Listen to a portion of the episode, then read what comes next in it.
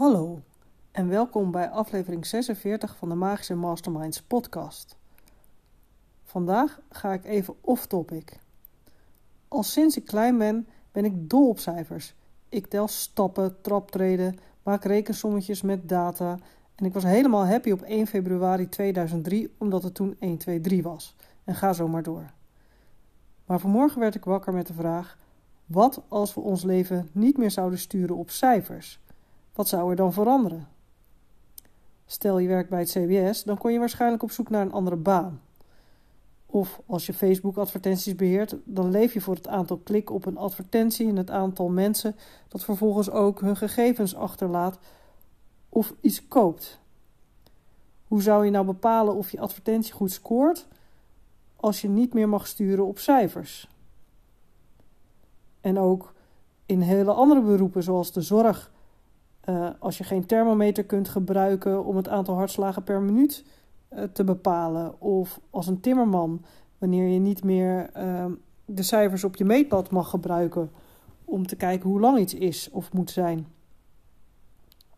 En in sommige gevallen kun je natuurlijk prima met alternatieven uit de voeten. Dus als timmerman, als je maar een meetlint hebt zonder cijfers en je kan toch kijken hoe lang iets moet zijn en je zet gewoon een streepje neer, kun je prima natuurlijk bepalen hoe lang iets moet zijn.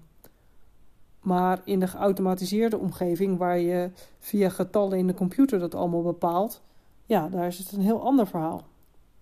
En ook in de zorg, als je geen thermometer hebt, dan kun je kijken of iemand koorts heeft door gewoon aan iemands huid te voelen. En zeker als je een beetje ervaren bent, dan voel je dat natuurlijk ook prima.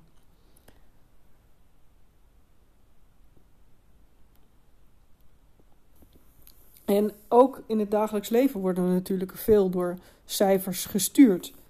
Alleen al als je een parkeerplek zoekt, is het bijna nu overal in de stad wel te zien hoeveel parkeerplekken er nog vrij zijn in een parkeergarage. En ja, stel dat je die cijfers niet hebt, ja, dan rij je misschien een keertje. Uh, hè, moet je een beetje langer rijden omdat je parkeerplaats vol blijkt. Maar heel heftig is het gevolg daarvan nou ook weer niet. Dus ja, het sturen op cijfers heeft ons leven op heel veel fronten in het leven een stuk gemakkelijker en overzichtelijker gemaakt. En toch bekruipt me het gevoel dat door het sturen op cijfers ons leven ook een stuk minder menselijk is geworden. Dat cijfers te veel een doel worden in plaats van een hulpmiddel dat we iedereen over een kam scheren omdat je uitgaat van gemiddelde aantallen. En omdat je moet voldoen aan de cijfers waarop gestuurd wordt, verlies je misschien wel uit het oog hoe tevreden mensen eigenlijk zijn met het werk dat je hebt geleverd. En de urgentie die door cijfers wordt uitgedrukt, die geeft ook een hoop stress. Dus nou ja, het is natuurlijk net uh, Black Friday en Cyber Monday geweest. En ik had vandaag toevallig met een klant er ook over. Die wilde eigenlijk al upgraden bij Mailblue. En die zat, ja, maar ik hou eigenlijk helemaal niet van Black Friday deals. Maar ja, ze wilden het toch al doen. Dus dan kan je misschien best wel fijn gebruik maken van het feit dat het nu een stuk goedkoper is. Maar ja, hoe vaak koop je iets dat je eigenlijk niet van plan was omdat je ehm, een aanbod krijgt met een Black Friday deal en denk je, ja, nu moet ik toch echt uh, profiteren van het feit dat het zo goedkoop is. Maar ja, al die stress, is dat dan uh, de manier waarop je met je leven om wil gaan?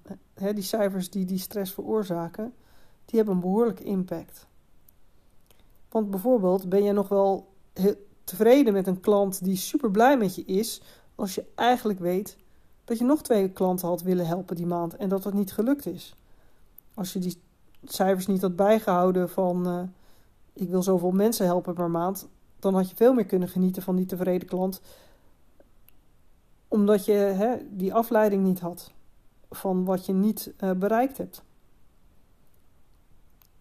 Maar het kan ook zijn dat als jij geen cijfers hebt, geen doel om aantal klanten te helpen per maand, dat je eigenlijk heel slecht in actie komt en dat die cijfers je dus meer helpen dan dat ze je tegenwerken. Zo zie je dat het ook voor iedereen weer een beetje anders is. ik merk zelf bijvoorbeeld dat ik het fijn vind om een streefgetal te hebben, een streefomzet van hè, ik wil gemiddeld per maand uh, 3750 euro verdienen of omzetten. En ja, dat vind ik heel fijn. Maar als ik dan ga bedenken hoeveel klanten ik voor elk van mijn diensten zou moeten uh, ja, helpen, nou, dat levert zoveel mogelijkheden op. En als het dan dus niet lukt, dan geeft dat teleurstelling. En uh, van tevoren misschien wel stress als je dat niet gaat halen. Dus die cijfers vind ik zelf weer helemaal niet zo relaxed. Dus ja, soms vind ik cijfers heel helpend. En soms vind ik cijfers alleen maar onhandig. En dat zelfs terwijl ik echt wel een uh, klik heb met cijfers en ik vaak echt wel blij word van cijfers. En nou ben ik benieuwd, hoe zit dat bij jou? Stel, jij gaat uh, niet meer sturen op cijfers. Wordt je werk daar relaxter van? Zou je meer stress erdoor krijgen? Is je werk misschien wel niet meer uitvoerbaar? Ik vind het leuk als je het met me deelt via info.